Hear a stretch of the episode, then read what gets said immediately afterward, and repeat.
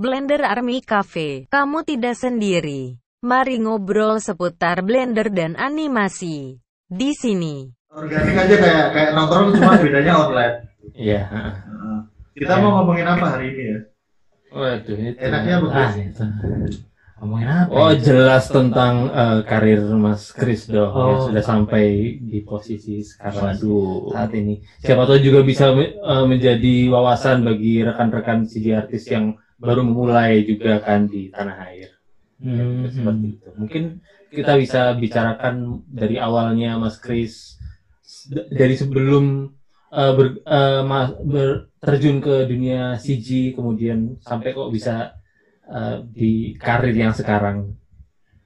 Hmm. Awalnya gimana ya? Awal- rekam dulu, tak rekam dulu. Oh, oh, ini udah mulai. Iya. Berarti kalau udah direkam berarti udah mulai. Nah, basic pendidikan formal Mas Kris itu tidak ada em, pengalaman eh, di bidang CG kan, memang otodidak waktu awalnya. ya. Iya, nggak ada. Dulu eh, pendidikan terakhir tuh SMP.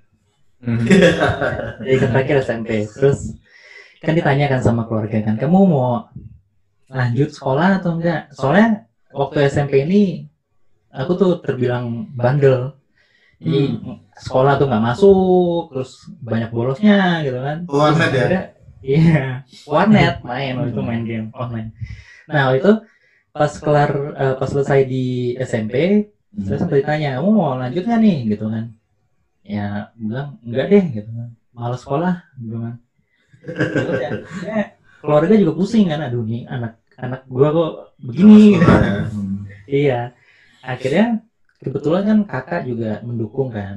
Jadi eh, eh, meskipun saya nggak sekolah eh, sekolah formal ya, tapi Hmm. saya di kayak masuk ke kursus les-les kayak pelajaran-pelajaran yang Yang disuka ya. Hmm. ya yang yang penting-penting maksudnya yang di, di SMA yang penting-penting gitu. Ya udah se- ya udah akhirnya eh, ikut kursus-kursus 3D juga sih di di di selang di selang itu gitu. Dan itu tidak tidak langsung terjun menggunakan software Blender, meng- tentu menggunakan yang diajarkan di Nah, kursus Itu- itu. kayaknya stop dulu, stop dulu. Jadi, eh, oke sekarang kita mulai. karena karena gini, karena eh, karena ini kita mau rekam dan pasti ada banyak orang nggak tahu eh, Christian karena mungkin yang baru-baru. Jadi Oh mungkin iya, dari iya, iya. awalnya eh, Chris perkenalan dulu. Oh, iya. eh, kamu siapa dari mana terus sekarang di mana karirnya apa dan lain-lain. Iya. kira-kira gitu. Baru kita mulai ke pertanyaan yang yang ngalir lah. Oke silakan Chris. Oke, eh, halo, Eh, saya Crispian, saya dari Jakarta, Indonesia, dan sekarang saya kerja di Lemon Sky Studio sebagai 3D modeler. oke Iya. Oke, sudah berapa lama berkarir di dunia CG atau animasi atau game Dunia CG mungkin kalau di total udah 12 tahunan ya, 12 tahunan lah. oh iya Iya, 12 tahunan. 2008 ya oh 2007 Iya, 2007. Itu awalnya tuh 2007 tuh waktu di Main Studios. Ya yang itu video ya? pertama ya langsung. Hmm. Hmm. Nah, di situ lucunya eh, itu kan yang punya kan Main Studio kan yang punya kan teman kakak ya. Jadi Ya. eh, selama saya kerja di di sana tahun 2007 tuh bener-bener yang namanya itu kayak sekolah sekolah aku gitu belajar Hmm. 3D di situ Hmm. belajar software Hmm. Blender di situ karena Mhm. waktu itu mereka eh, produksi eh, serial namanya Hebring ya Hmm. produksi Hebring itu mereka pakainya Max 3D Max Hmm. gitu.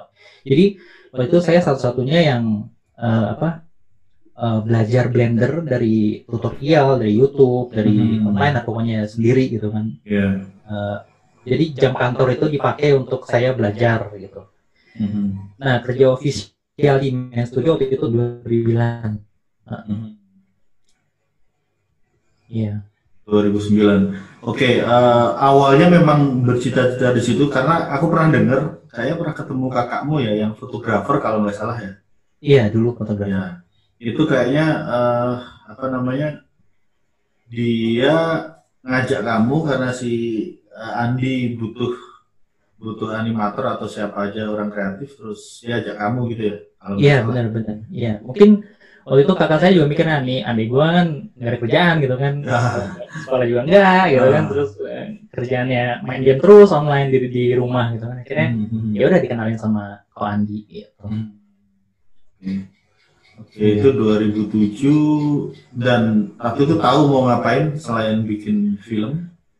Sebenarnya waktu sebenarnya sih ada ada apa ya rasa ketertarikan di CG waktu itu gara-gara se- nonton sebuah opening dari game PlayStation waktu itu. Hmm, Jadi ya dari sebelum saya masuk ke main studio juga saya di rumah juga udah apa ya kayak otak-atik 3D Max gitu kan belajar dari buku opening eh, apa open buku segala macam terus kerjain kayak project-project kecil gitu Hmm. Personal gitu ya. iya personal Multimedia ya? ya? iya iya multimedia Eh, bring, oke aku tunjukin sambil share di sini. Eh, bring yang ini ya.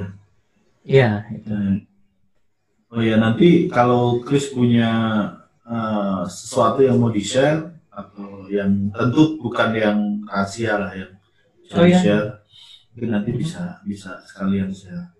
Oke Mas Adi boleh mulai aku sambil nyeting. Saya. Oh. share screen share screen nggak apa-apa ya Boleh, boleh, Share boleh. screen-nya Mas Chris. Sebentar. Tak, tak setting dulu karena harus di setting. Hmm, Coba bisa di situ bisa langsung share screen nggak? Chris di sini. nggak bisa bisa. hanya disable Share screen. Multiple participant. Oke, coba sekarang. coba ya Mhm. hmm. Nah udah Nah, oke. ini kayak slideshow doang sih kerjaan-kerjaan pribadi gitu Mhm. daripada ngeliatin muka Wow. aku terus kan jadi Ini yang baru ya, yang baru-baru aja atau sudah lama? enggak sih ini yang lumayan udah lama lah sekitar lima tahun yang lalu empat tahun gitu. iya Lagi seneng-senengnya sculpting ya. iya lagi seneng sculpting karena bawaan dari tuntutan kerjaan di kantor juga sih sebenarnya Oh ya, di kantor sendiri Chris sebagai senior modeler atau masih junior atau gimana? Karena kalau- aku modeler oh modeler iya eh, intermediate atau senior atau junior junior, junior. Oh ya? iya Oh, Karena- padahal sudah 12 tahun ya? Iya, karena yang dihitungnya mungkin yang di sini tuh eh, apa ya? Karena kan aku juga baru pindah ke Lemon Sky ya. Sebelumnya kan di Streamline Studio. Mungkin dia ya mereka mungkin untuk lebih fairnya gitu. Hmm. Start dari awal lagi. Cuma nanti tergantung ini ya, tergantung eh, percepatannya dan lain-lain. Iya, benar. Bisa bisa lebih cepat menuju senior ya kalau udah punya basic ya.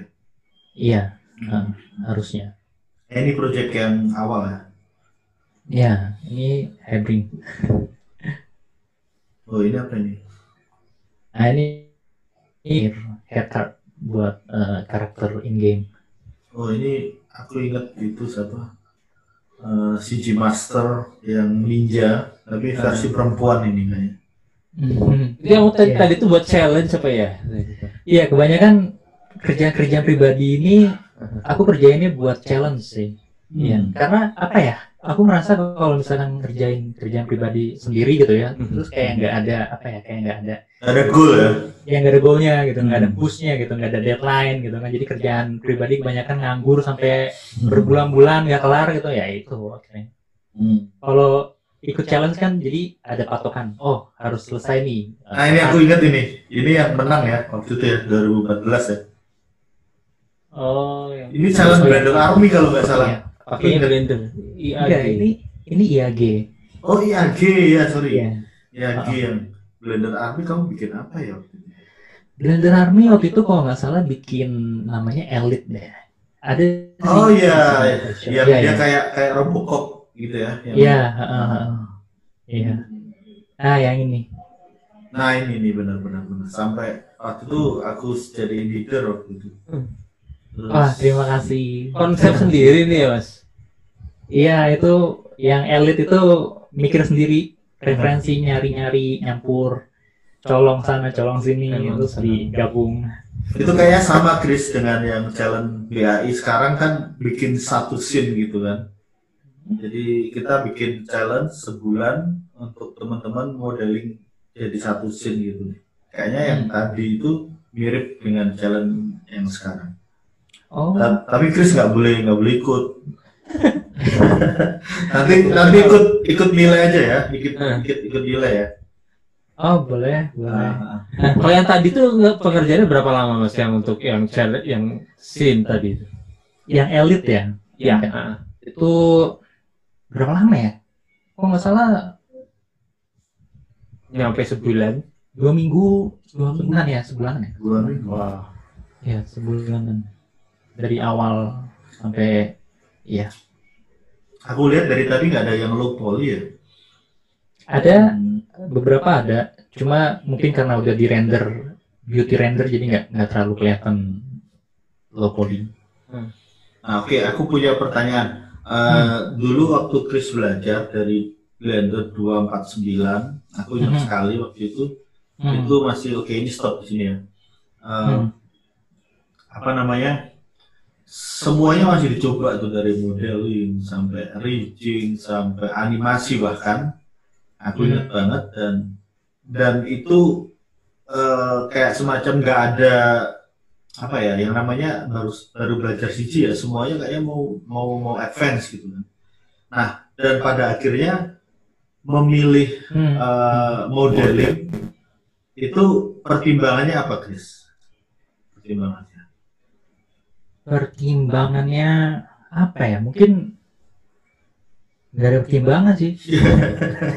jadi jadi gini dulu waktu Ah. kerja kerja di Men Studio kan eh, karena kan aku kan satu-satunya yang pegang blender kan di situ kan. Oh ya sama Om Pavan ya. Iya. Iya, Fafan waktu itu megang Max dia. Nah, Hmm. akhirnya dia pindah ke Blender juga. Jadi aku mau nggak mau ya harus belajar semua dari dari Ya. animasi, rigging, eh, visual effect, Hmm. terus rendering segala macam, kamera, render farm segala macam gitu aku belajar. Hmm. Nah, karena waktu itu kan kerjaannya kan udah lumayan ada orang ya, maksudnya ada ada pekerja lah, ada employee gitu kan. Ya. Jadi aku lebih fokus ke modeling dan rigging gitu. Kalau Hmm. untuk yang bagian-bagian render dan segala macem, aku udah set dari awal gitu. Hmm. Dulu Jadi spesialisasi di bidang modeling juga itu lebih karena awalnya di tuntutan pekerjaan seperti itu. Iya, heeh. Dulu lucu loh. Sebenarnya waktu kita pertama kali nyobain render farm ya, itu aku belajar codingnya tuh pakai batch file. Jadi semua PC itu dinyalain, batch Oh. file jadi copy copy copy. Nah, itu kan enaknya di Blender kan kita bisa render render animasi kalau misal ya kalau misalkan frame-nya udah render nih dia akan Hmm. skip gitu kan, ke frame yang Oke. lain gitu. Nah, ya. Jadi iya itu yang yang pengalaman yang paling menarik sih yang Hmm. belajar dari Sampai script juga waktu itu ya. Iya, sedikit lah, sedikit, nggak terlalu banyak belajar script.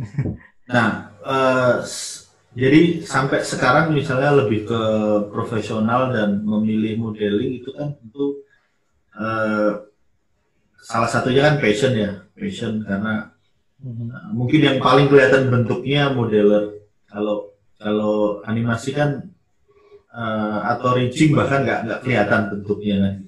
Rigger, rigger itu kan eh, metafisik lah kalau di, di visual lah gitu. Nah, Ya. menurut Chris untuk orang yang pemula Hmm. eh, itu perlu dicoba semua atau hanya beberapa bagian atau langsung ke, ke satu yang dia suka. Karena Kalau, ah, sorry, sorry. karena karena karena Chris sendiri kan tidak ikut yang namanya kursus resmi gitu ya kayak semacam kursus Hmm. online atau apa. Jadi waktu itu masih uh, murni otodidak dan belajar dari komunitas dan forum. Hmm. Oke, silakan. Hmm. Eh, kalau saran aku ya pelajari semuanya sih, karena itu penting. Misalkan kalau kamu pelajarin semuanya terus kamu eh, misalnya kamu kerjain modeling nih nah nanti kamu yang kamu kamu sendiri yang ngerti kalau misalkan nanti kalau modelnya kayak gini bisa di rig atau enggak gitu kan jadi Oke. itu akan memudahkan eh, teman-teman kantor yang lain kayak gitu sih sebenarnya Berarti lebih ini ya. Kalau Iya. dia eh, misalnya nanti jadi rigger, dia Hmm. modelnya dia tahu kebutuhannya harus seperti ini gitu. Hmm, hmm, iya Efektif. dan ya. juga dan juga nggak terlalu apa ya diperdalam banget gitu nggak semuanya harus jago Oh, gitu. Oke. ya sekedar ngerti lah pipeline-nya ngerti Hmm, hmm, hmm. I- iya Itu kayak di desain grafis juga gitu kan. Karena kalau dia nggak tahu cetak, dia akan ngawur ngasih warna. hmm, iya Ngasih warna bahkan fontnya juga sembarang semua dicoba. Tapi begitu Hmm. dia tahu bahwa ini nanti diterapkan di media advertising misalnya atau eh, media TV, maka dia akan tahu sebatas mana dia bisa bermain gitu ya. iya heeh. Oke, Mas Adi boleh tanya. apa? Em, ya, tapi ke- kemudian em, setelah eh, di awal sempat menjadi se- sedikit generalis ya, meskipun mulai mulai lebih fokus ke modeling, itu sempat nggak di pekerjaan-pekerjaan selanjutnya kemudian kembali mengambil peranan selain modeling, misalnya kembali Oh, sempat produksi dong. render atau lighting seperti itu. sempet dong kan eh, ada duitnya juga Ya, oh iya, iya. jadi nggak langsung Ada cuan ya, ada cuan ya. ya. Ada cuan suka di modeling pun oh, kayaknya lebih cocok untuk fokus di modeling kan iya nggak sempet, nggak ternyata nggak mesti seperti itu. sempet dulu dulu kayak kayak "Ah, udah mau modeling aja gitu kan. Terus tiba-tiba ada temen nawarin eh ini ada kerjaan animasi nih gitu kan. Ya Hmm. udah kerjain kan mau nggak mau kan. Karena kan aku juga sedikit ngerti lah gitu kan. Terus Hmm. ya udah gitu terus gitu. Ada kayak kerjaan eh ada kerjaan ini eh, render ada kerjaan rigging gitu. Bisa nggak kerjain? gitu. Oh, udah gua gua ambil. Karena si si atletnya belum lunas waktu itu ya. Kawasaki atlet ingat yang waktu iya benar benar dulu masih kecil tuh motor Kawasaki atlet tuh Kita sama ya waktu itu punya hijau, punya biru. iya benar Oke. masa-masa itu kangen sih sebenarnya Iya iya iya. Nah eh, dalam hal ini pasti ada orang-orang yang menginspirasi, terutama CG artis atau orang-orang yang selama ini membentuk karir eh, Chris sampai di katakanlah bisa abroad ya, bisa lebih profesional dan ngerjain job-job internasional. Mungkin eh, siapa yang paling berpengaruh di sekitar Chris waktu itu? waktu di Indonesia atau di Terserah di CG eh, dalam karir perjalanan CG sejak awal sejak awal. Nah, kalau awal waktu itu aku eh, bener-bener ngefans sama Andrew Price ya sampai sekarang juga masih Oh ngefans oke. sama Andrew Price Blender Guru. Karena- Iya, bener guru Ah. karena itu bener-bener apa ya source aku untuk belajar semuanya itu dari Hmm. situ gitu, dari tutorial itu gitu. Ya itu Eh, ya di situlah belajar blender segala macam, Hmm. terus teknik lighting, teknik rendering, terus ya, macam-macam. Tapi kalau untuk kalau untuk sekarang, kalau untuk lebih fokus ke artnya, mhm. artnya itu aku eh, ngefans sama Rafael Grassetti. Dia itu eh, art director dari San- Sony Santa Monica. Oh, art director ya. Hmm. Oke. Yang bikin God of War yang tahun lalu. Oh, oke. Oke. Iya. Kalau aku lihat juga eh, mungkin kalau Chris ada aku lihat ada kesamaannya dengan Andre Price waktu itu. Karena si Andre itu mulai dari nol dan jelek aja belum waktu itu ya karya pertamanya. Dan aku sangat tahu waktu itu Chris pertama kali posting di Blender Forum itu. Tapi kalau sekarang lihat ketawa sendiri ya Chris ya. Dan Iya tapi karena karena terus diupdate ada kritik ya terutama. Eh, mungkin aku bocorkan sedikit bahwa Chris itu pernah sakit hati ketika nemu kritik. di kalau nggak salah Blink 3 waktu itu ya. Sempat eh, down ya mentalnya ketika di dikomentari di YouTube ya kalau nggak salah waktu itu atau aku salah halo Iya benar. hmm. nah itu gimana menyikapi ah, buat Halo? Chris halo Iya halo. buat Chris eh, kritik itu seperti apa dan eh, seberapa penting buat karya kita? kritik itu penting ya Hmm. kritik kritik itu penting karena apa ya itu itu yang ibarat tuh kayak kayak guru gratis gitu dalam dalam kerjaan kita gitu kan. Kita ngerjain sesuatu. terus ada seseorang yang kritik kerjaan kita itu berarti kan tandanya kan mereka tuh apa ya care gitu Memperhatikan ya, care. perhatikan sama sama art yang kita buat gitu kan. Nah itu itu penting banget. Karena apa ya kalau gak dikritik ya ya gitu-gitu aja gitu kan nggak nggak naik step ke selanjutnya gitu Hmm. jadi ya ya kritik itu penting sih sebenarnya Atau memang sengaja ikut satu challenge, satu forum memang kita berarti sudah siap dikritik ya, sudah siap di- hmm, apa ya Pak? karena bahasanya Ya. itu eh, siap dihajar lah gitu. Halo? ya benar karena karena apa ya karena kalau misal ya ya Hmm. ya udah balik Udah, udah. Oke, terlalu Oh, berat berarti. ya karena apa ya kalau misalkan kita udah nge-share kerjaan kita ke ke media sosial atau ke, ke online gitu nah itu berarti tandanya kita kan udah ya udah ini kan udah udah terserah lah mau diapain gitu kan ya itu Hmm. kalau ada kritik atau ada ada hujatan mungkin ya kan kita nggak tahu ya itu diterima aja gitu Oke. Mungkin aku mau ngasih tahu sama teman-teman yang lihat bahwa Chris ini adalah orang yang memberi nama Blender Army. Ingat nggak Chris? iya sih itu ingat sih Ya, jadi eh, teman-teman yang belum tahu, waktu kami membuat forum Blender Indonesia.org, kita pengen tuh waktu itu seperti kaskus ya, ada sebutannya gan gan, eh, cendol dan lain-lain. Kira-kira apa ya yang paling cocok buat Blender Blender Indonesia kata waktu itu. Terus akhirnya salah satu usul yang akhirnya kita terima adalah usulnya Chris tentang bagaimana dengan Army. Dan waktu itu eh, aku siapa yang ngomongin ngusulin aku pakai kapten ya waktu itu ya dan Hmm. selama beberapa tahun eh, panggilannya kapten blender gitu ingat nggak Christian nanti ada pangkatnya jenderal ada apa waktu itu ya Lupa. iya iya ingat itu perlu kita ganti nggak sih sebenarnya kalau dipikir-pikir sampai sekarang kayaknya lebih apa ya terlalu agresif ya Eh, enggak sih ya? Cocok sih. enggak sih Cocok ya? Cocok sih Ah, Kemarin sempat berbincang sama Mas Angga yang di iklan Kombuan. Kata dia karena dia baru masuk, gila ini Blender Army ini militan kata dia. oh iya aku udah denger tuh Oh udah dengar. Jadi artinya Iya.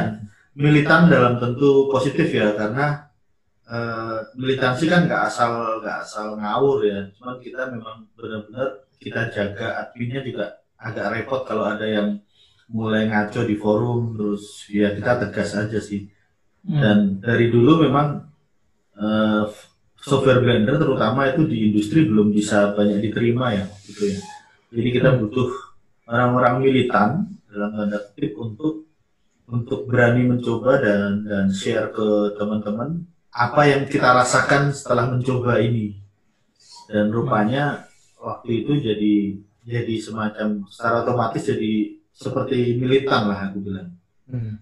Gitu. Hmm. Hmm. jadi Tapi, tapi yang saya lihat, yang saya lihat eh, teman-teman seperti Mas Chris ini kemudian bisa punya cukup rasa percaya diri untuk kemudian mengembangkan karir ke studio lain, studio lain itu saya saya penasaran eh, prosesnya seperti apa kan sebelumnya di studio studio pertama di Indonesia kemudian memutuskan untuk berkarir di luar itu seperti apa formulaannya? hmm. Oh, eh, sebenarnya aku ini ya kehitung beruntung juga sih waktu itu. Karena waktu itu eh, waktu di Indonesia aku kerja di sempat freelance tahun sama itu kerja di bawah ko Daniel Simon. Oke, kalau Daniel ya. Iya, habis itu aku kerja bantuin di projectnya Legrand, Legrand, ya, Oke. Tapi freelance ya. iya, bukan Hmm. freelance sih, kerja Hmm. di rumah sih. Hmm. Iya. Nah setelah itu eh, aku dapat tawaran nih dari dari studio animasi di LinkedIn, dari LinkedIn. Oke, Iya. LinkedIn ya. Eh, Hmm. Oke.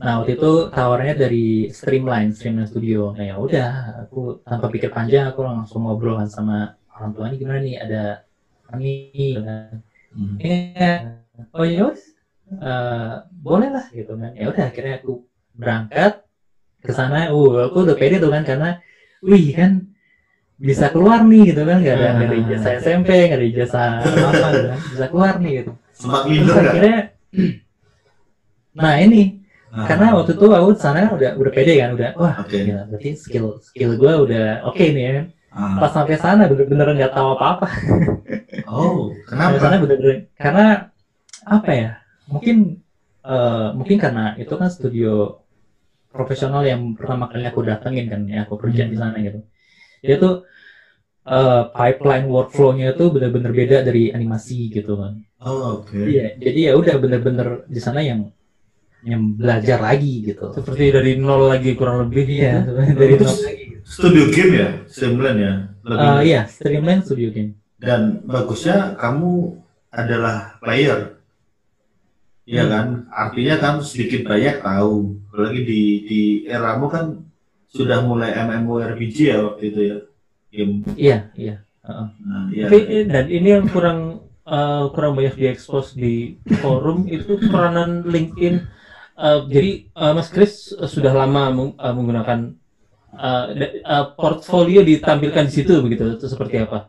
Kok bisa kemudian eh, studio sana ketemu eh, Mas Kris itu prosesnya seperti apa? Sebenarnya waktu itu aku nggak gitu ngerti ya eh, peranan LinkedIn tuh seperti apa kirain kan kayak Facebook, kayak apa, kayak Ah. Twitter. Jadi aku taruh aja semuanya di situ. Oh, bikin kemudian eh, portfolio semua di situ kemudian Iya. ditemukan. Iya. Oh iya. Sa- saling kita saling review juga kan, saling review ada rekomendasi, Iya. testimoni Iya. ya. Hah? Heeh. Iya sebenarnya kayak gitu. Mungkin yang yang penting itu koneksi kali ya. Koneksi. Oke, Biar koneksi ya, catat. biar bisa ke mana-mana gitu. Hmm. Mm-mm. Eh, aku pengen tahu itu yang mobil transformermu itu. Waduh. Aduh itu Ya. udah lama banget. Oh, Masih ingat? Iya, yang mobil Ya, itu blender. udah lama banget. Kalian masih ada nggak nih mas? Ini aku cari juga. Oke. Oh ini, ini di malah di share sama waktu itu sih sama Ozan. Ini kayaknya waktu kita ngajar di Confess ya, kalau nggak salah. Hmm. Kayaknya si Chris kan pernah ngisi ya waktu itu ya. Aku aja. Iya, karena Nah, nah ini ini di eh, 249 masih ada anime animation layer ya, kalau nggak salah. iya benar. Nah, sekarang kayaknya nggak ada deh. Iya nggak tahu. Iya nggak ada mungkin. Ada nggak Kayaknya memang waktu itu uh, uh, animation layer ada sih NLA waktu itu. Um, Yang saya lihat nih Mas Mas Kris emang seneng hard surface dari dulu ya. Kar- Karya personalnya waktu itu lebih banyak hard surface apa ya? Eh sebenarnya senang karakter sih. Cuma karena dulu tuh nggak bisa bikin orang lebih bisa bikin orang bagus. Jadinya udah bikin yang yang keras-keras dulu gitu kan. Kayaknya memang kayak gitu sih. Organik itu kan paling susah ya, organik ya. Iya benar benar. Dan kemudian pekerjaan di Streamline waktu itu lebih ke organik atau masih di hard surface? Waktu itu kerjaan di Streamline lebih hard surface, lebih ke props. Ya, Oh, iya. props. Melihat portfolio juga begitu. Hmm, hmm, hmm. Oh ini ini fenomenal ini, susah ini. Enggak lah itu. Dulu banyak banget di cheatingnya itu. Iya iya iya. Ya itu dia yang cheatingnya itu kan butuh kecerdasan khusus tuh. Hmm. Karena terbatas, tapi waktu itu memang enteng banget sih Blender masih 15 mega kalau nggak salah. Hmm. Salernya ya. Ini. Hmm. Kita beberapa kali pernah ngisi acara ya terus di dari 2009 ya. Iya, terima kasih Mas Iza udah Oh, ngajak Saya terima kasih karena saling bantu kan waktu itu. Iya, Sempat ke lima kota dengan Creative Motion waktu itu.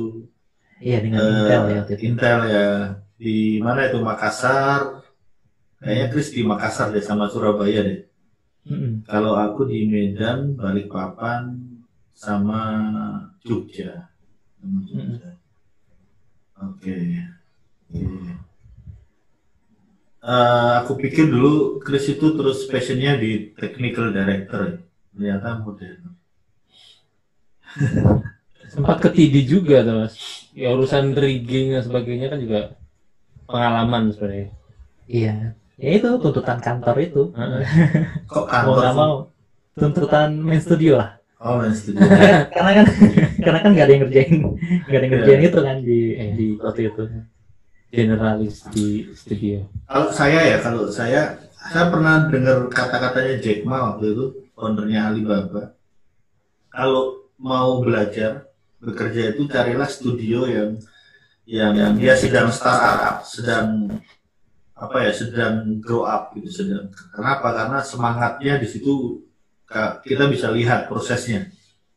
Kalau studio yang sudah sudah maju, yang sudah apa namanya stabil, kita nggak bisa di situ kita nggak bisa tahu spirit ownernya tapi lebih kepada manajemennya yang rapi terus workflow-nya dan lain-lain itu benar nggak Chris menurut kamu Chris? halo Menurut aku sih bener banget sih itu. Bener. Iya. Halo? ya ya Ya oke. oke Iya. Menurut aku sih itu bener banget sih yang dibilang sama Jack Ma itu kita bisa lihat passion apa semangat orangnya itu dari studio yang bener-bener baru dari nol gitu kan yang maksudnya yang baru mulai lah gitu kan. Karena mereka punya satu goal dan mereka bersama gitu. jadi orangnya tuh masih bisa dihitung gitu kan. Dan kita masih boleh salah ya masih boleh salah-salah iya ya. iya. Nah, itu itu kalau ya kalau di studio gede mungkin kita masih punya satu goal tapi kan banyak orang kan. Jadi kita nggak oke. ya nggak bisa bandingin mungkin ada yang yang boleh ke mana yang boleh ke mana gitu kan kita nggak tahu. Hmm, jadi lebih ke teamworknya ya bagaimana eh, apa namanya kayak pertandingan sih. Dari- mungkin bas, eh, basket dengan tinju pasti lain lah ya. Kalau tinju kan egonya masih satu kalau basket lima orang dan lain-lain atau sepak bola lah. Tapi kalau menurut Mas Kris sendiri, eh, berdasarkan pengalaman selama ini, eh, apa kira-kira perbedaan manfaat dari eh, bekerja di studio yang baru merintis, yang relatif kecil di- dibanding dengan yang sudah eh, besar, sudah eh, dan eh, sudah usia bertahun-tahun, sudah matang, Rela- peng- manfaatnya terhadap pengembangan diri sendiri. Sekarang. Yang aku rasain mungkin lebih ke apa ya? Lebih fokus sih maksudnya kayak lebih tahu oh aku mau ke mana nih? Kalau dulu kan kayak istilahnya kan masih belajar lah kan. Mhm. masih belajar jadi kan masih nyobain ini nyobain itu nyobain ini nyobain itu. Tapi kalau misalkan yang udah di, di- kayak sekarang yang udah di studio kayak Lemon Sky ini lumayan gede kan. Mhm. nah itu lebih apa ya? Lebih tahu aku tuh mau ke mana gitu kan karena apa ya nggak nggak bisa dijelasin juga sih Iya, iya. Berarti bu, eh, bu- eh, buat Mas Kris eh, manfaat lebih halo ah macet iya halo Macet. Hmm, oke halo Halo, iya iya iya. Kayak ada masalah. ya sorry Ada masalah. Berarti eh, kalau buat Mas Kris sendiri manfaat eh, yang dirasakan saat bekerja di studio yang sebelumnya itu lebih pada kesempatan untuk belajar ya.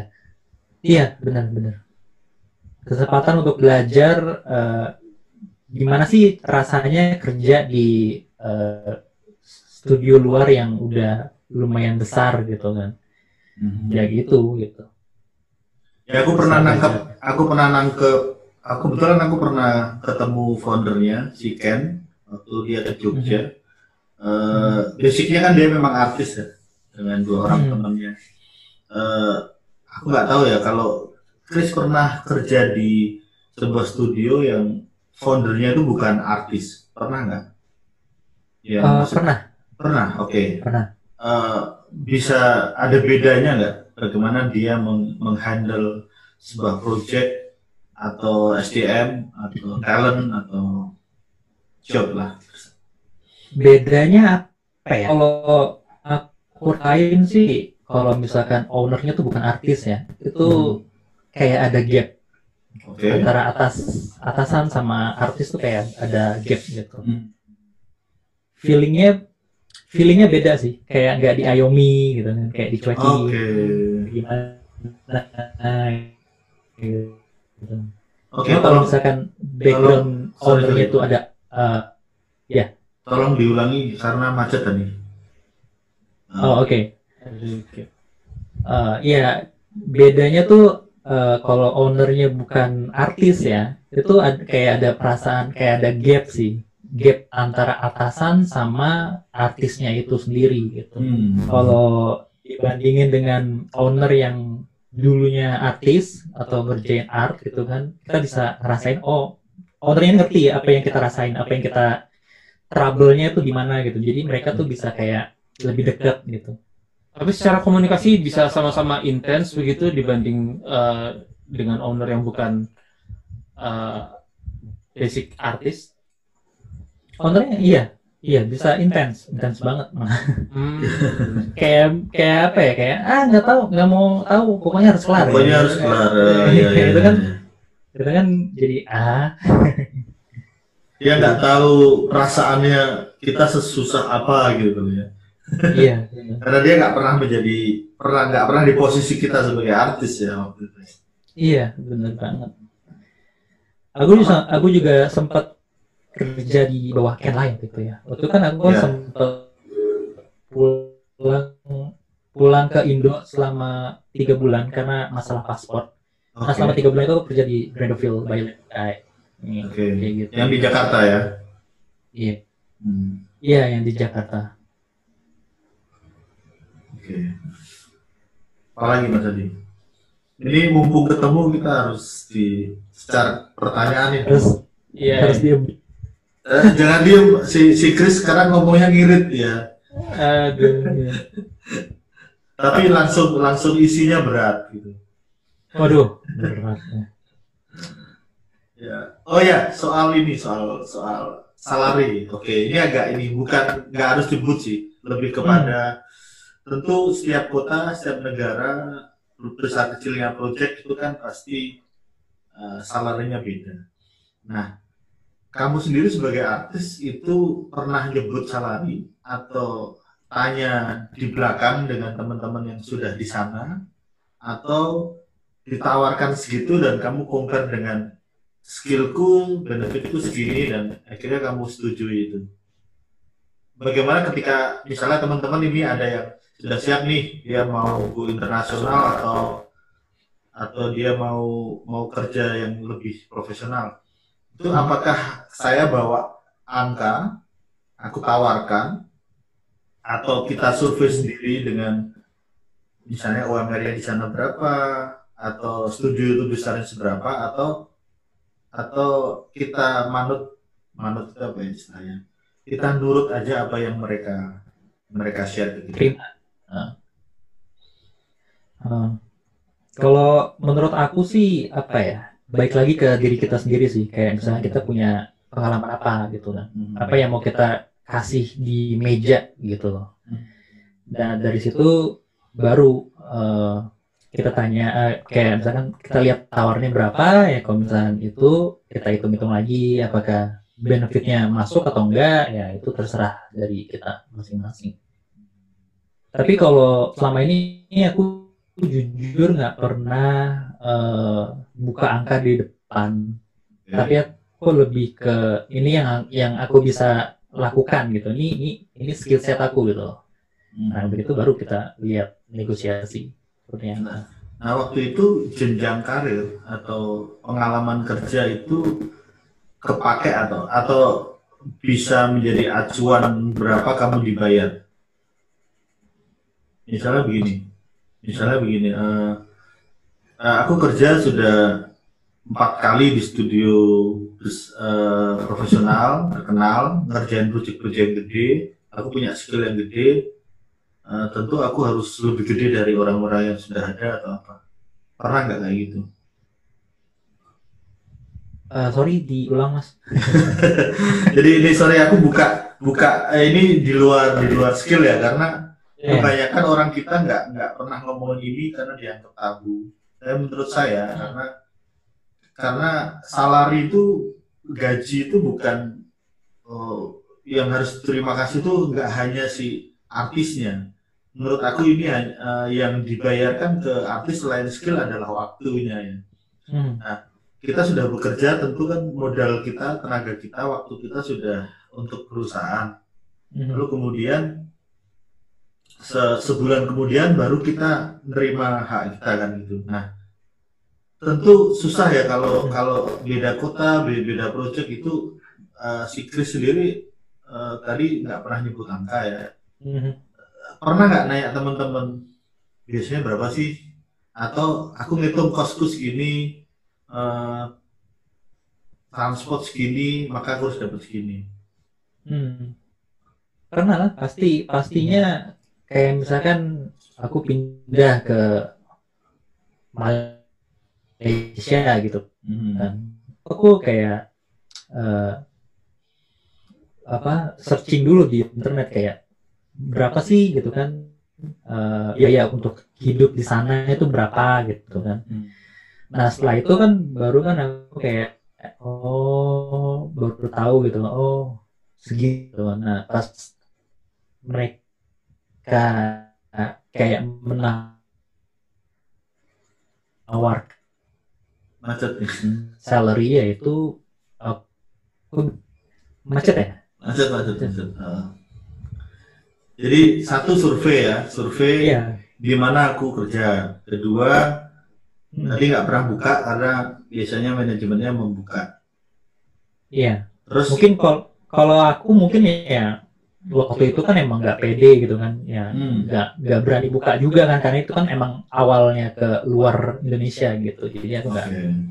nggak yang eh ini aku mau segini ya Ya, Oke. Nah, Tapi untuk selanjutnya di studio selanjutnya sudah mulai bisa me- mengira-ngira iya rate kita bisa ber- berapa kayak seperti itu. Iya, iya benar. Karena kalau menurut aku eh, pribadi ya, aku kan selama ini kan udah eh, kerja macam-macam gitu kan, udah Hmm. maksudnya pengalamannya juga lumayan lah gitu kan. Hmm.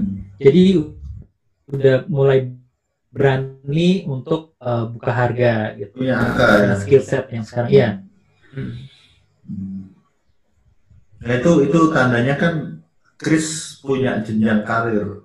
Artinya gini, karena proyek animasi atau game ini kan otomatis selain skillnya kita harus meningkat. Kalau teknisnya kan sama, cuman misalnya kita bikin karakter. Kalau di compare Chris dengan lima tahun yang lalu, seharusnya kan lebih bagus sekarang ya. Karena Seharusnya. seharusnya kan gitu Hmm. tapi kan kita nggak pernah tahu karena lima tahun itu bisa jadi dia terus update atau dia macet atau dia stuck di situ nah itu eh, harusnya seperti itu dan itu yang namanya aku bilang jenjang karir ketika kita mandek atau kita berhenti maka biasanya orang lebih nggak pede untuk menyebut angka Hmm. tapi kalau kita kalau kita maju eh, kita makin pede karena lima tahun yang lalu aku kayak gini sekarang aku bisa bikin yang sama tetapi value-nya lebih lebih bernilai seperti itu. Hmm. Ya, Dan mungkin bisa dibilang melebar juga karena eh, Mas Kris kan mulai di bidang animasi eh, CG untuk animasi sementara sekarang lebih untuk game. Kalau kalau buat Mas Kris sendiri perbedaan paling mencolok per- eh, antara animasi CG untuk animasi dengan game itu seperti apa? Terutama eh, terkait dengan posisi Mas Kris sebagai modeler yang kemudian dapat input dari klien atau dari tim itu perbedaannya seperti apa? Perbedaan yang paling mencolok tuh menurut aku tuh kalau aku kerja di CG untuk animasi Mhm. itu kita udah nggak mikirin yang teknikal teknikalnya yang penting bagus di kamera itu ya lah udah, udah oke banget gitu kan tapi Oh, itu animasi ya. kalau untuk ya itu untuk animasi gitu kan nah paling ya paling ya yang yang menjadi apa masalah ya paling render time lah render Oke. time-nya gitu kan nah kalau untuk di game ini ada eh, apa ya ada ada interest sendiri sih. Jadi kayak misalkan aku bikin dari high poly bikin high poly-nya terus eh, low poly model retopo segala macam texturing apa ya ada workflow-nya tuh beda sih. Workflow-nya beda. Karena lebih, dia lebih mendetail begitu dia itu kalau untuk game tuh eh, ada limit limitationnya. Ada kayak ya, berapa jumlah trisnya yang boleh Oke. masuk ke engine segala macam seperti itu keterbatasannya game engine sama server juga sih. Server. iya dan dan harus kelihatan bagus gitu kan nah maka maka dari itu ada proses yang namanya baking dari high poly ke low poly-nya gitu Iya.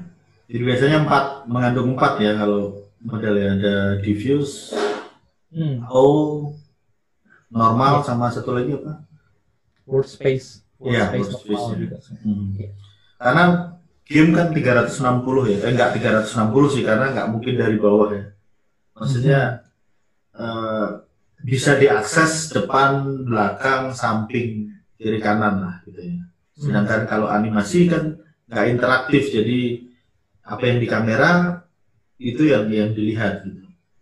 hmm, benar Challenge-nya beda ya Chris ya. Aku karena ngawalinya dari game soalnya. iya challenge-nya beda banget. Ya tahun 2007 develop game itu batasannya poly itu cuman eh, teksturnya 1024 karena waktu itu internetnya masih 3G bahkan yang kecil-kecil itu yang eh, monster-monster kecil atau tanaman itu cuma 512 atau 256 ah, akhirnya ngakalinya ngakalinya kita gambar itu sudah harus memikirkan empat itu. Diffuse AO eh, apa namanya normal dan lain-lain itu jadi sekali gores kita harus mengandung empat itu karena untuk irit kalau se- sekarang eh, dulu tuh di mirror. Jadi kita bikin teksturnya cuma separuh kanan aja nanti mirror gitu. Iya iya. sekarang bisa lebih dari 3000 lah ya trisnya Iya, polynya ya. Eh, Chris suka yang mana tuh, kalau boleh milih? suka apa nih? Suka yang Zaman dulu atau yang Eh, bukan zaman dulu, kalau zaman dulu nggak bisa dikompar ya, lebih ke eh, menjadi CG artis di untuk animasi atau game. aku lebih suka untuk game sih. Oke. untuk game. Kenapa itu kira-kira? Lebih karena fleksibel.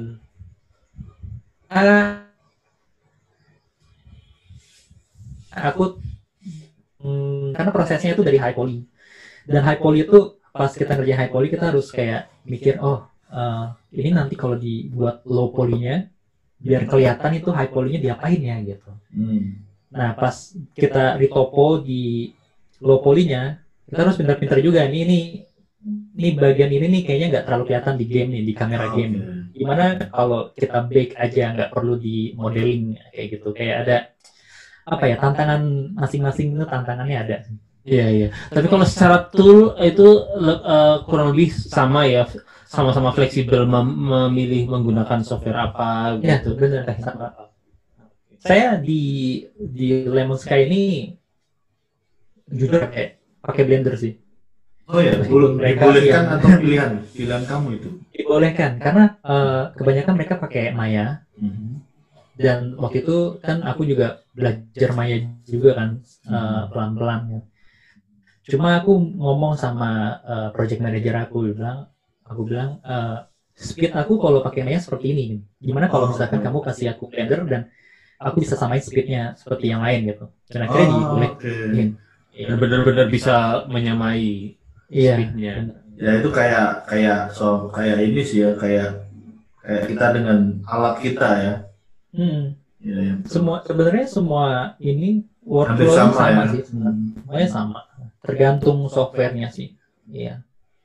sama kebiasaan sama ada story-nya ya kalau di Blender kita setuju bahwa kita punya story dengan software itu ya karena build-nya oleh community ya Iya kan? Iya bener banget. Eh, contoh kan biasanya kan game kebutuhan eh, persyaratan teknisnya lebih tinggi relatif ketimbang jika membuat aset untuk animasi kan seperti itu. Kadang-kadang software mungkin ada Oke. ditentukan seperti apa. Iya. Benar. Oke oke. Tool lain eh, kamu pakai nggak? Misalnya Substance Painter untuk texturing atau nggak Iya, texture, cuma model aja? Aku model Nextur juga, low poly juga. Hmm. Aku pakai Substance Painter juga di kantor di Lemon Lemon Sky. Budgetnya berapa Chris kalau untuk untuk game? Maksudnya budget polinya sama trisnya? Budgetnya itu tergantung kalau misal jadi eh, Lemon Sky itu kan IP kan. Ya, Jadi oke. gamenya tuh macam-macam ada yang gamenya eh, close three third person, ada yang dari God view mode yang kayak game-game MOBA lah kayak Dota gitu kan. Itu kan nggak Ah. terlalu nggak terlalu ngezoom banget kan. Nah itu beda-beda hmm, sekitar sampai dari 5K sampai 10K tris. Wow, gede ya? Iya. Gede itu lumayan.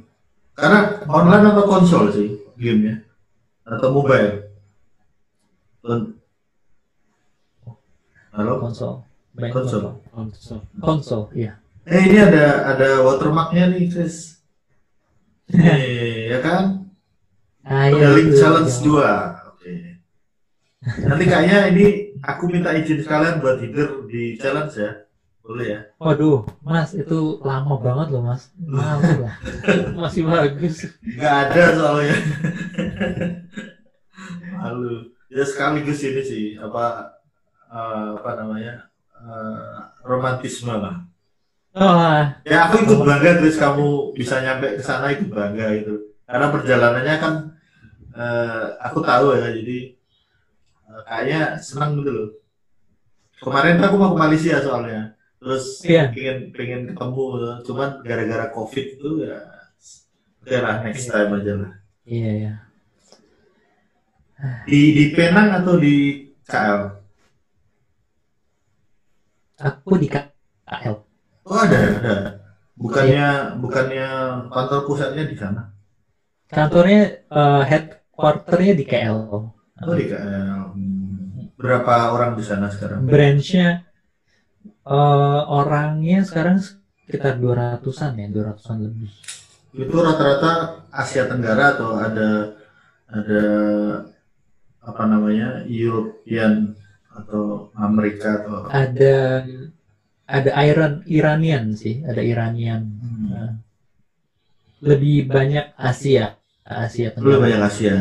Banyak kok orang-orang Indo yang di di sini di Lemon. Hmm. Dari ada yang dari Jogja nggak? Dari Jogja ya. Mesti tanya-tanya nanti. Oh belum belum belum ketemu. Iya, belum. Ah. Banyak banget Mas. Soalnya divisinya banyak ada ada divisi game, ada divisi animasi, ada divisi macam-macam. Jadi Hmm. jadi orangnya tuh mungkin duduk sebelahan tapi jadi nggak kenal gitu kan karena kan Hmm. apa ya banyak banget kan divisinya dipisah-pisah. gitu. Hmm. Oke. Jadi memang karena sibuk juga ketemunya paling pas makan atau pas ngerokok gitu. Kamu masih ngerokok gak sih? Udah enggak ya? Masih tuh. Oh, masih. Oke. boleh, boleh, boleh. Gak ada sponsor di sini. Iya, iya, iya. Aduh, tapi udah dikurangin sih. sekarang. Ya, dikurangi apa ya? Kurangi rokoknya. Oke. Oke, nah Iya. ganti-ganti topik nanti malah.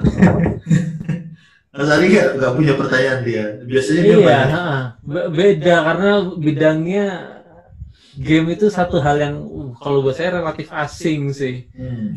Saya juga nggak tahu workflow-nya seperti apa, pipeline-nya ada persamaan atau enggak. Terus dibanding dengan studio sebelumnya streamline dengan sekarang ini perbe- eh, eh, pekerjaannya kurang lebih sama ya Mas Chris. Eh, hard surface atau sudah mulai merambah ke karakter organik begitu. Eh, kurang lebih sama. Eh, dulu waktu di Streamline juga sempat ngerjain. Mungkin karena itu kan mungkin sebagai apa eh, mereka kayak ngasih oh coba nih kasih ke si Chris nih kerjaan organik gitu kan. Nah, oke akhirnya ya sama sih sebenarnya sampai dari dulu aku kerjaan organik mungkin nggak terlalu kayak sekarang ya eh, kualitasnya. Nah, dan di Lemon Sky ini aku macam-macam dari props, kadang kadang juga organik juga gitu, kadang karakter juga gitu. Tergantung projectnya dapatnya apa gitu tergantung aku di under project apa gitu Ya, berarti sekarang lebih bervariasi ketimbang eh, proyek-proyek sebelumnya relatif gitu ya. hmm. Ya, mungkin biar nggak garing kita review karya aja. Ini bukan mengkritik ya, lebih kepada oke Wah. kasus kasus ini Chris, kasus ini. Eh, ini berapa lama kamu ngerjain? Kalau versi normal, bukan karena challenge ya. kalau Kalau- versi normal aku bisa ngerjain dua bulan kalau normalnya itu Itu dari nol, dari dari nol oke, bukan dari modeling yang sudah ada kamu tweak, tapi murni dari 2D-nya dari nol. Iya dari nol Oke. Terus apa yang paling ini ya kasus project ini yang paling challenge apa? Yang paling challenge. yang paling challenge itu hair sih hair Oh. sama sama apa ya ngakalin biar semua tekstur itu masuk ke Ke mapnya. 4K map kayak Oke. Ya. mapnya. karena ini karena ini satu satu karakter ini dalam satu map Oke. Oh gitu. semua tekstur Hmm. dalam karakter ini dalam satu iya Nggak dipisah ya. Enggak nggak dipisahkan itu salah satu uh, rules di challenge ini Nah dan dan itu apa yang punya eh, di tekstur itu porsi yang paling besar apa? Mapnya di wajah atau di di wajah dan rambut wajah dan rambut padahal hitam loh Chris. iya makanya Aku iya makanya itu juga ada ada salah sih sebenarnya. Waktu itu kan masih belajar kayak hair arts gitu kan. Mungkin karena ini belum ketemu waktu kalau kayak yang tadi ke Mhm. iya. Kayak waktu tadi dilihat di slideshow kan aku ada uh, show dari show haircutsnya nah itu haircutsnya bener tuh seperti itu. Nah pas pas aku uh, uh, kerjain di challenge ini ternyata haircutsnya itu teksturnya kurang. Jadi pas oh. di taruh teksturnya nggak nggak kelihatan detailnya gitu ini normal ya pakai normal ya ini. ya itu pakai normal segala macam Kalau yang tadi itu uh, ha- haircutnya dipisah di tekstur tersendiri atau di yang kalau yang ini dicampur ini ya? Sering, sering, jadi satu iya sering lagi dong yang tadi sambil pengen tahu yang mana yang haircutnya itu. Oh, boleh sebentar Gak usah pakai slideshow biar nggak terlalu ini. Boleh boleh Hmm. Eh, Eh ngomong-ngomong kamu pakai komputer kantor ini ya? enggak ini komputer sendiri nak Oh enggak. Kata kamu kemarin kamu bawa gak ada covid kan? oh eh, iya itu ada cuma nggak nggak boleh dipakai Oke. sembarangan kan. Iya, Cuma kalau untuk yang kayak gini aku pakai nah ini Oh ini. iya Nah kalau ini yang ters- ini satu uh, haircutnya di tekstur tersendiri terpisah dari kulit, dari pakaian dan sebagainya. Iya, ini aku pakai 2K 2048 Oh, kali 2048 ya. Heeh. Iya, makanya kelihatan detail kan, beda sama yang tadi kan. Hmm. Oke itu anu ya, eh, apa namanya ukuran favoritku. Oke. Iya, 2K. Kalau sekarang 8K keren sekarang. Kenapa Mas Adi?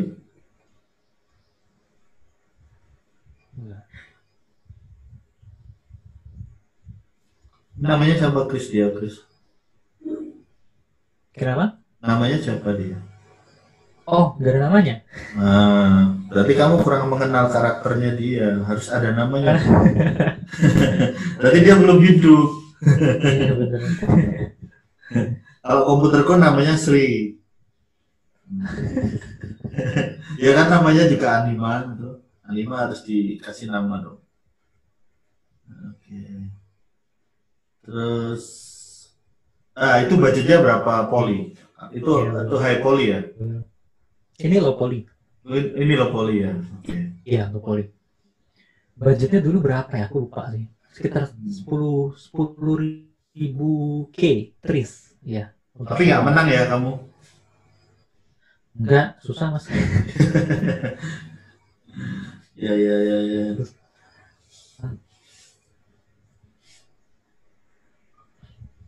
Oke, Mas Adi kok belum? Hmm, Ya, beda, beda pipeline. beda. Hmm. Beda pipeline ya mas ya. Iya.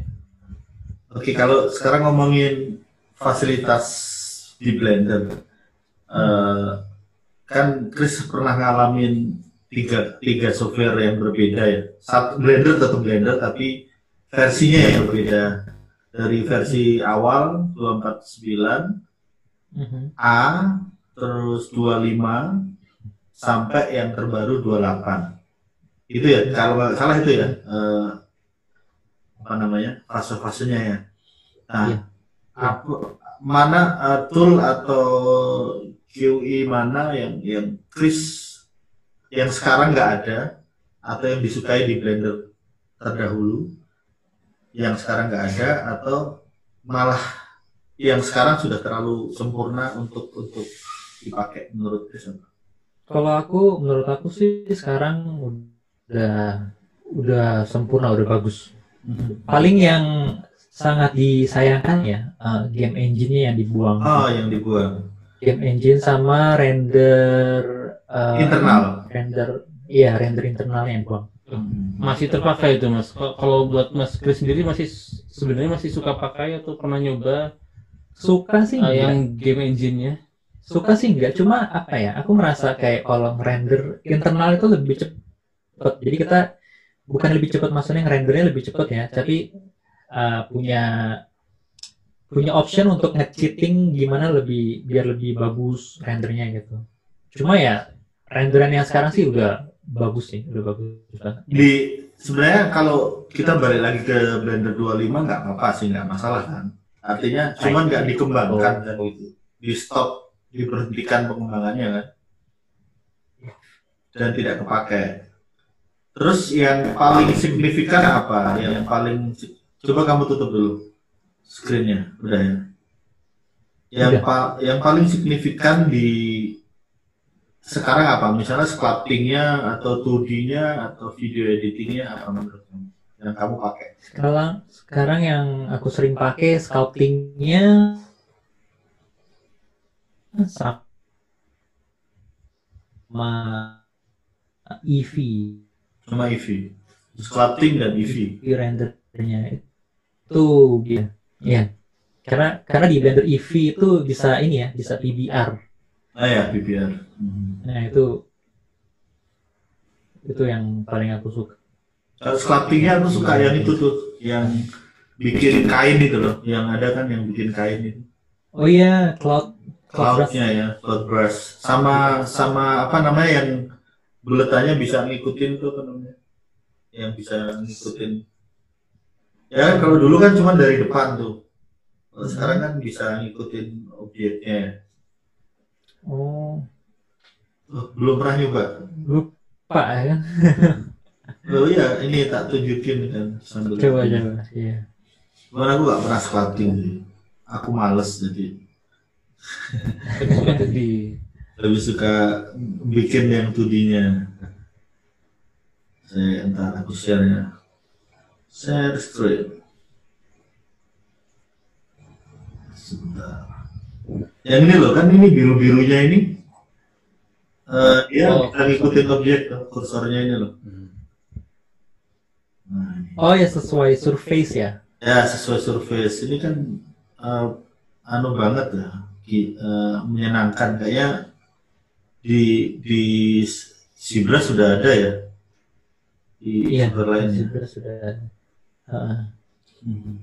Bukannya dulu ada ya di di versi yang sebelumnya? Belum, belum ada. Dulu masih cuman lewat eh, apa namanya dari kelihatan dari view, dari view sekarang Oh, ngikutin surface-nya. Kalau aku sih paling suka 2D-nya, 2D-nya Blender. Karena aku butuh ini. Terus eh, kalau aku EV-nya malah nggak pernah nggak pernah ya. nggak pernah Hmm. pakai loh tuh. Iya. Boleh nih mas, sharing-sharing nggak? Nanti ada versi sendiri kita. Oh ya, aku sekalian ngomong Chris. Eh, Iya. Aku ngobrol sama Mas Adi. Aku punya ide untuk eh, kita nanti ulang tahun ke-11 bulan Agustus. Mhm. Mumpung ini lagi COVID dan kita bisa online, maka kita bisa bikin Blender Conference. Wah, Blender Iya kan? Conference. Blender Conference. Pertama gini, eh, tentu kan conference ada kelas-kelasnya ya. Misalnya presentasi setengah jam atau satu jam. Nanti kita undang teman-teman yang mau share. Hmm. Misalnya kamu nih, kamu Chris, tolong dong share tentang sculpting, misalnya demo atau apa. Nanti kita bikin jadwal selama satu minggu gitu. Satu minggu itu misalnya sehari dua atau tiga kelas. Nanti ngajak yang special effect, ngajak yang 2D, ngajak yang programming kayak Mas Adi misalnya. Eh, Hmm. Kita share bareng-bareng. Aku sedang cariin. Kita coba nyari sponsor ya. Siapa tahu ada. Minimal untuk untuk beli pulsa gitu. Iya. Itu menurut kamu gimana, Chris? Kamu mau join nggak, Chris? Halo. Eh, Agustus ya. Kapan Agustus. dulu Agustus? Iya. Kalau ulang tahunnya tanggal Agustusnya satu. Kalau ulang tahunnya tanggal satu. Mungkin sekitar minggu pertama atau kedua. Oh, oke. Eh, dan Hmm. dan nggak harus nggak ya mungkin eh, nggak nggak nggak ganggu kerja lah ya. Jadi misalnya kamu hanya bisa hari Sabtu ya udah kita bikinkan hari Sabtu. Nah dalam satu minggu itu kamu dapat yang Sabtu. Jadi semacam eh, apa sharing bareng tapi eh, estafet gitu. Gitu. Kayak Blender kemarin loh, Blender apa? Blender World Blender Day ya kemarin ya, Chris ikut itu ya. Halo, Mas Adi? Kayaknya Pak koneksinya lagi putus. Oh, Chrisnya Chris ya.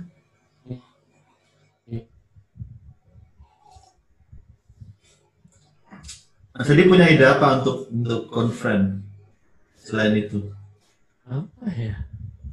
Hmm. Mungkin perlihatkan workflow masing-masing sih kalau kayak misalnya eh, kan banyak karya-karya yang em, sangat populer di di Army di forum gitu kan yang lainnya banyak orang pada penasaran penger- proses pengerjaannya seperti apa terutama juga eh, teman-teman yang bisa berkarya dengan s- si- komputer dengan yang speknya nggak sebenarnya nggak tinggi-tinggi banget gitu kan Hmm. biasanya Hmm. orang bayangannya oh untuk bikin karya CG yang bagus itu harus uh, speknya bagus tinggi gitu padahal kan ya nggak selalu seperti itu nah mungkin di Blender Conference ini bisa diperlihatkan uh, karya-karya yang bisa dihasilkan berdasarkan Ya. kreativitas tanpa harus mengandalkan komputer yang speknya tinggi Iya.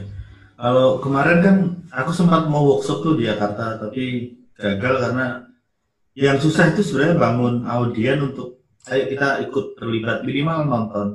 Mhm.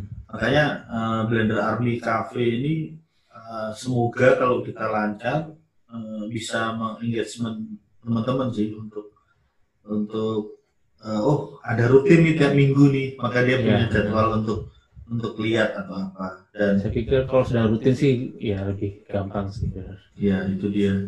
Aku kayak kemarin pengen sharing tentang 2D karena asik banget workflow-nya dan kayaknya nggak banyak di bahkan di di Blender artis yang internasional nggak banyak yang yang sharing tentang itu ya. Walaupun kenyataannya banyak yang kayak kemarin eh, I Lost My Body itu kan masuk ke Oscar juga itu juga pakai pencil yang nama yang tangan bisa jalan sendiri kalau bisa dilihat nggak? Iya iya film itu kan Ah, yang film itu nominasinya apa namanya eh, Oscar. Terus kalau Hero jelas, terus ada lagi yang yang develop eh, film panjang juga di Prancis atau di Spanyol gitu. Nah di Indonesia kan nggak nggak banyak. Nah apalagi yang kombinasi antara 2D sama 3D itu nggak banyak non photorealistic rendering ini mana Chris oh dia restart ya koneksi nggak stabil nih tulisannya aku, aku pikir cuma di Indonesia Nah iya. Tapi saya juga tulisannya your connection is unstable nih. Padahal dari sisi saya sendiri nggak masalah. Iya ya. Server sananya apa ya? Zoomnya mungkin. Mungkin konspirasi nih. Jadi, Itu nggak tahu. Tapi emang relatif berat sih kali ini. Kenapa berat? Ya maksudnya tahu ya. Saya kurang familiar. Hmm, oke. Mungkin aku aku merekam versi HD sih. Tapi masuk hubungannya sama server ini? Mana Christian? Ah, barusan. Oh ini nih, ya, admin. Se- Soalnya moderatornya baru bisa aku mas kita pakai yang versi premium tapi paling hanya bisa satu moderator. Oh, sorry, sorry, putus tadi. Ya, belum bayar internet atau apa? Iya, Koneksinya lagi. lagi hujan di sini nggak tahu kenapa. Oh lagi hujan. Mm-mm. Salah mongso itu, salah musim. Ya gitu Chris. Eh, Iya, ya. Karena gini kemarin setelah 10 tahun aku belajar untuk ini sayang karena kita udah 41 ribu kalau nggak salah Dan Anggota. anggota dan aku pikir kenapa kita nggak maju? Karena orang hanya sharing teknis tidak pernah sharing pengalaman. Apalagi sekarang ngeblog udah nggak zaman ya. Kalaupun ngevlog ngevlog juga kadang-kadang kita ilfil dengan suara kita sendiri atau atau nggak pede.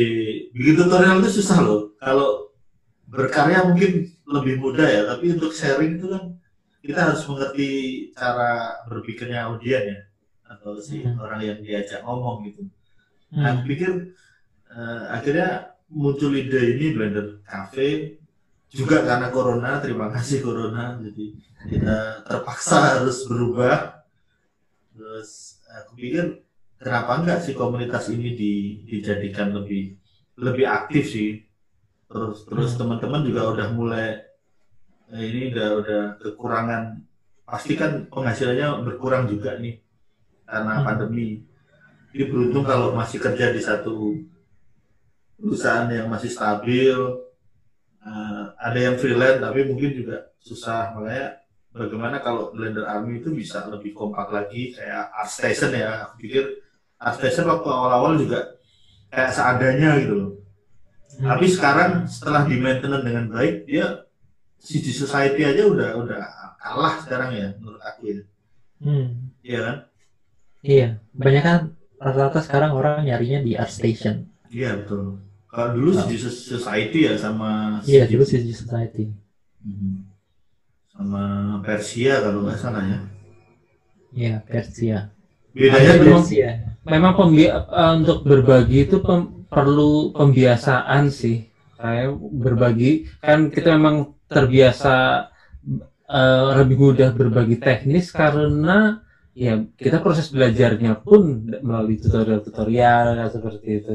Tapi kemudian kalau urusan eh, karir atau sehari-hari eh, pekerjaan di studio itu memang memang jarang sekali sih kita Kan, mendengar Uh, uh, sharing sharing libido lebih banyak sih kayak di forum-forum uh, contoh misalnya uh, dulu kaskus awal-awal terus ada forum yang sampai sekarang masih aktif tapi pakai VPN atau IP tertentu dan aku lihat di situ aktif loh setiap menit mereka sharing Uh, nggak bisa dipungkiri juga CG dulu berkembang karena kita sharing torrent ya nggak sharing torrent, sharing bajakan, bahkan Hmm. crack software, ya nggak? Hmm. Nah, benar benar benar Cuman bagaimana mindsetnya sekarang diimbangi lah, jangan sampai yang sharing yang yang forbidden itu lebih banyak daripada yang yang positif. Menurut aku imbang lah minimal positif negatifnya. Kalau terlalu negatif juga jelek, positif tok ya boring lah gitu. Harus harus ada nakal-nakalnya gitu. ya nggak Chris? Kamu masih Iya. masih find searching searching torrent nggak kamu? Enggak lah, udah jarang kan. Udah, tua, udah nggak kuat. Iya. Udah langs, udah beli ya sekarang ya. udah beli. tapi kalau urusan sharing ini seberapa bebas sebenarnya kalau eh, Mas Kris ini untuk membuka apa ya apa apa yang sudah dikerjakan di studio begitu A- apa ada pembatasan-pembatasan jangan jangan buka dulu soal ini atau apa Iya ada ada NDA, ada NDA-nya. Ya NDA-nya ya. Ah. Betul. Tadi barusan ngomong Mas Andi ya kita ya Hmm, soal NDA. mungkin itu juga yang membatasi misalnya kita punya pengalaman uh, profesional kita punya banyak hal yang sebenarnya bisa di share ya, uh, terkait uh, keterlibatan kita dalam satu proyek di sebuah studio tapi karena ada NDA kan ya Hmm. sulit gitu. mungkin itu juga yang me- menghambat Hmm. Kayaknya Iya. kalau aku juga NDA itu seneng-seneng enggak juga sih. Makanya aku lebih suka open movie jadi semuanya bisa di-share gitu. Hmm. Dan kayaknya contoh begini. Open movie-nya Blender walaupun di-share sampai sekarang orang nggak ada yang baca kok. Iya nggak? Baca dalam tanda kutip mengganti atau menjual lagi nggak ada loh. Hmm. Padahal boleh kan? Bahkan software Blender itu boleh dijual lagi. Hmm. Iya nggak? Tapi Iya. sampai, sampai sampai sekarang karena dia ti- tidak ditutupi, maka orang nggak penasaran gitu. Hmm.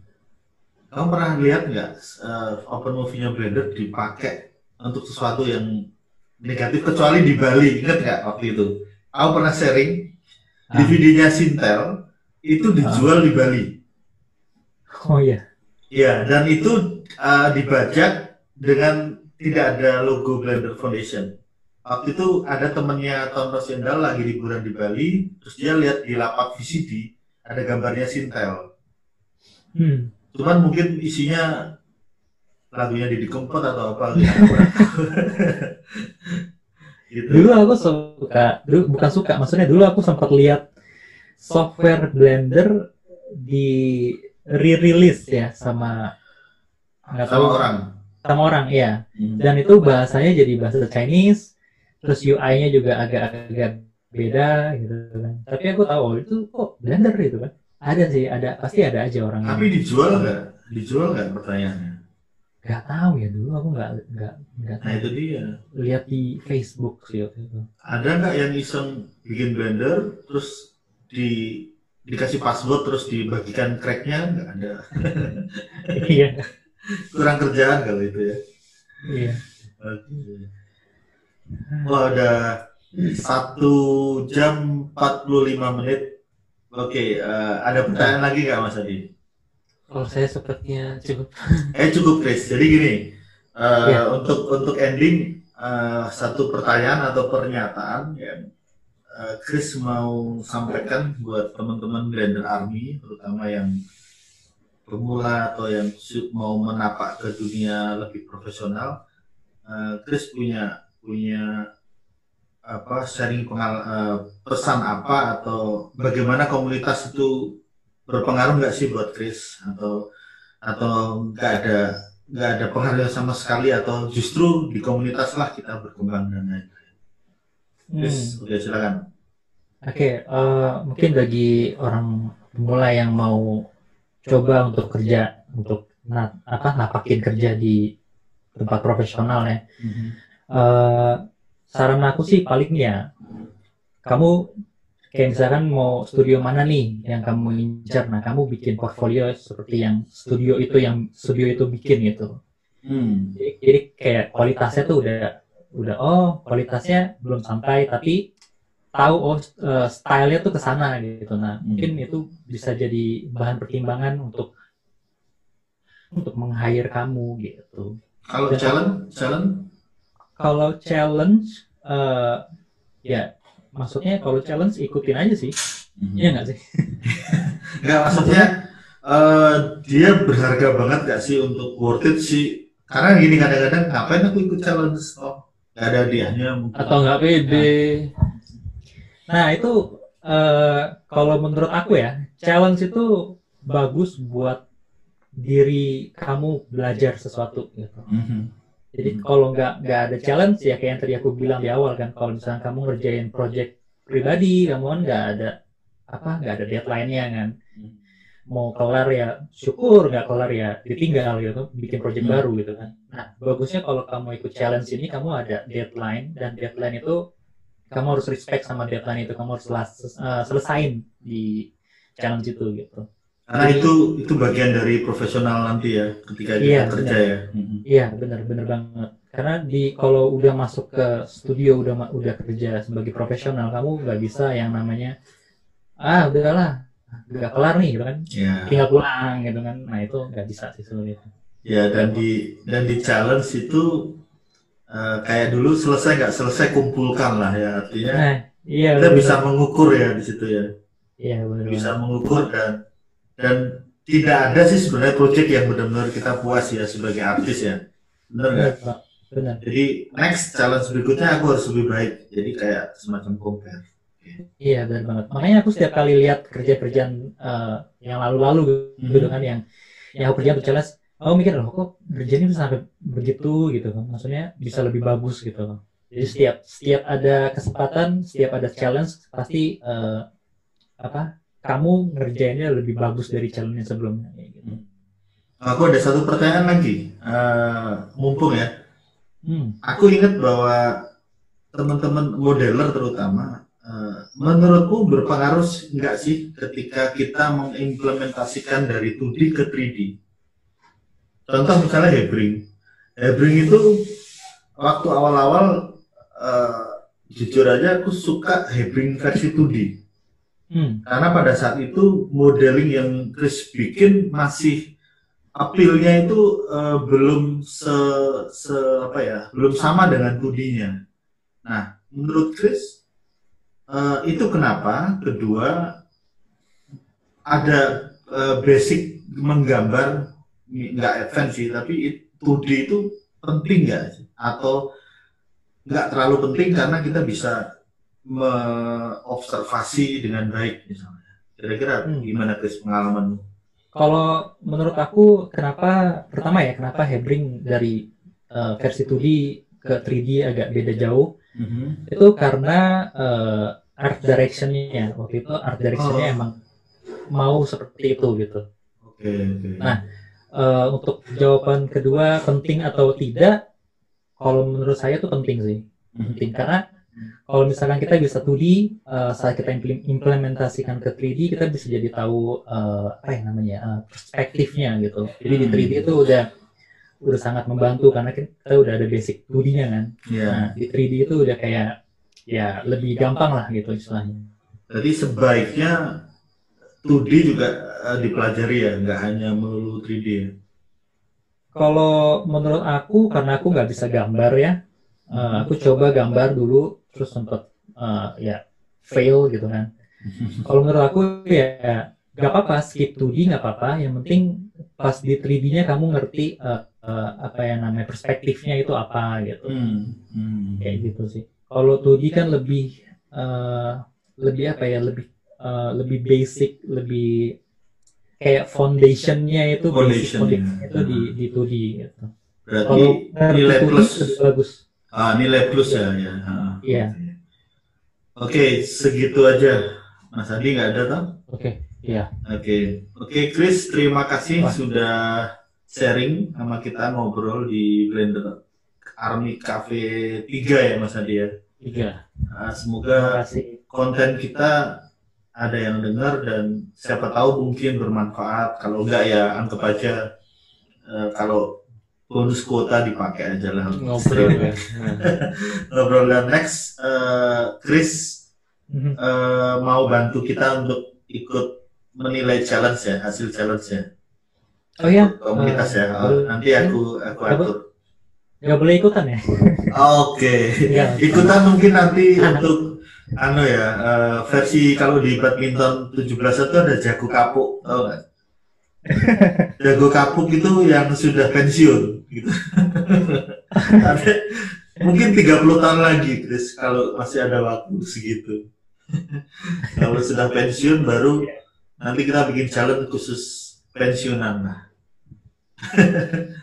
Oke, gitu aja. Chris. Uh, selamat malam dan Iya. sukses ya buat project-projectnya. Oh, Aha. thank you. Terima kasih Mas Sisa, eh, Mas Adi. Terima kasih. terima kasih. Oke Mas Adi, Iya. selamat petang eh selamat malam. Oke.